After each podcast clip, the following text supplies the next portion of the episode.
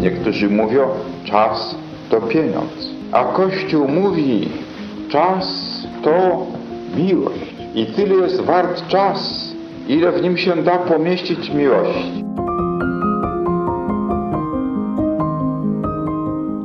Z błogosławionym prymasem Wyszyńskim w Nowy Czas. Audycja Katolickiego Stowarzyszenia Civitas Christiana pod redakcją Izabeli Tyras.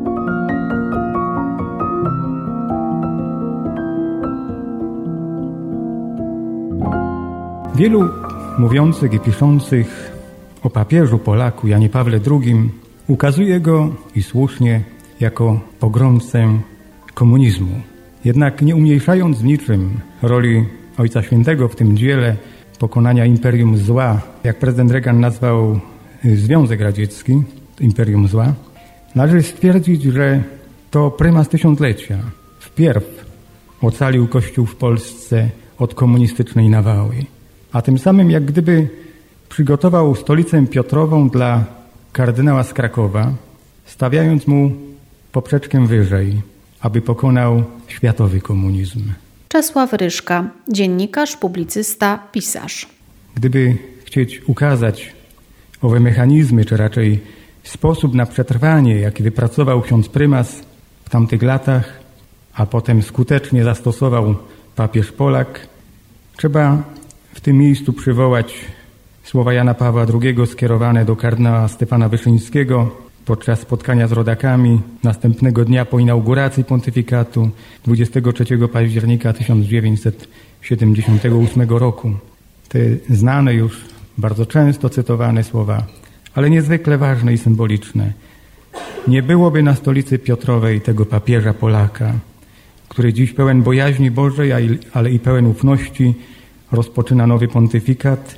Gdyby nie było, to się odnosi do prymasa Wyszyńskiego, Twojej wiary, nie cofającej się przed więzieniem i cierpieniem, Twojej heroi, heroicznej nadziei, Twego zawierzenia bez reszty Matce Kościoła.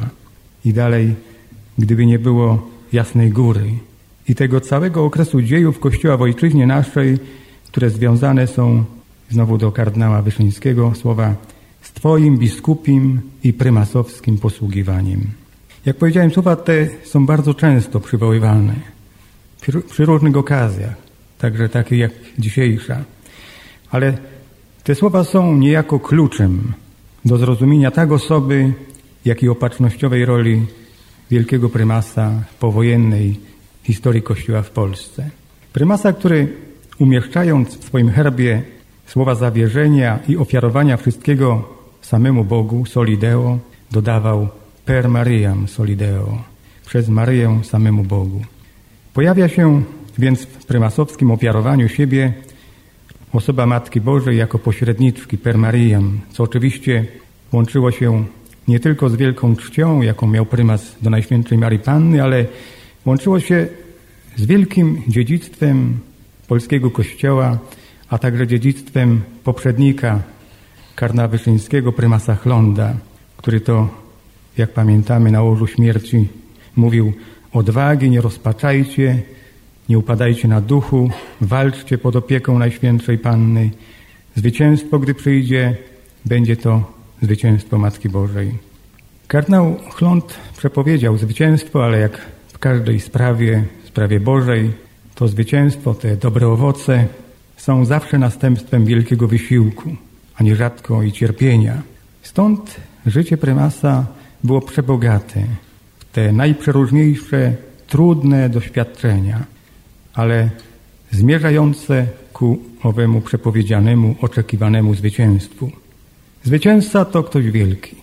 Gdyby zapytać, na czym ta wielkość prymasa tysiąclecia polegała, to trzeba by w nim zobaczyć, że ukształtowały go w dużej mierze te doświadczenia, które stały się udziałem Kościoła w naszej części Europy, w której tysiącletnie chrześcijaństwo starło się ze współczesną odmianą systemu ateistycznego.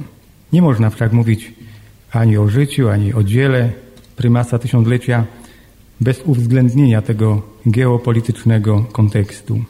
Więcej, należałoby raczej wprost powiedzieć, że na te trudne czasy ten prymas był jakby posłany od Boga.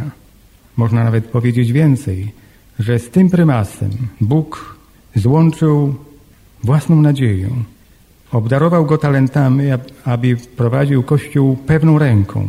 Rozwinął go, uczynił przykładem dla innych wspólnot kościelnych w sąsiednich krajach. W efekcie na przełomie pierwszego i drugiego tysiąclecia od chrztu w Polsce, jak powiedział kardynale Wyszyński Jan Paweł II, sam mocny służbą, tą swoją prymasowską służbą czynił mocnym Kościół i naród.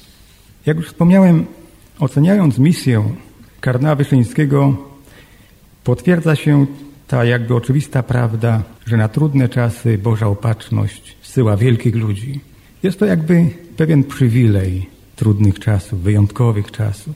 Ale musimy też od razu dodać, że tacy ludzie nie rodzą się na kamieniu, nie spadają z nieba, ale uosabiają najlepsze cechy naszych rodzin, naszej kultury, wiary. Kiedy więc ogarniamy spuściznę prymata tysiąclecia, a także próbujemy ogarnąć historię Kościoła w Polsce w XX wieku, nie wyobrażamy sobie, żeby jedno mogło istnieć bez drugiego. Sprawa jeszcze jest o tyle bardziej istotna, że w naszym kraju katolicyzm, religia bardzo ściśle złączyły się z życiem narodu. Co więcej, Kościół niejednokrotnie stawał się fundamentem naszego państwa i narodu. I w tym, w tej perspektywie ta opatrznościowa misja kardynała Wyszyńskiego jawi się jeszcze dodatkowo jako prymasa intereksa, męża stanu.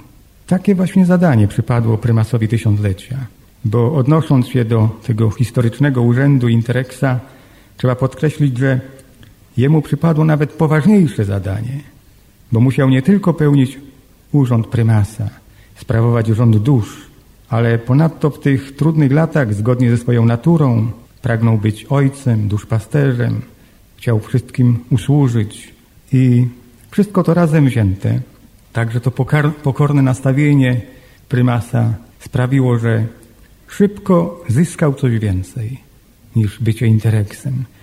Stał się największym autorytetem dla wierzących Polaków. Nie trzeba wszak nikomu przypominać, że w tamtych latach prymasa niejako utożsamiano z Kościołem.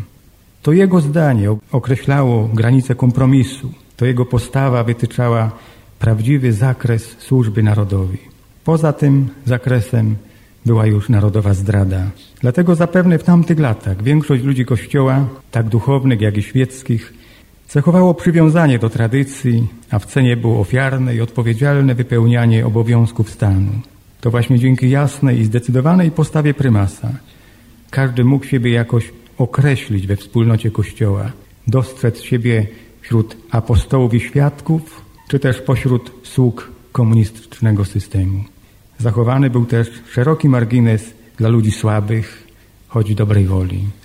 I z tej perspektywy oceniając misję prymasa Wyszyńskiego, można w nim widzieć jakiegoś szczególnego posłańca Bożego, który potrafił rzeczy dawne pomnażać, ubogacać je przez rzeczy nowe. Że te dziedzictwo wieków, rzeczy stare, były dla niego żywym skarbem, który należało nie tylko chronić, ale przywołując je, rozwijać.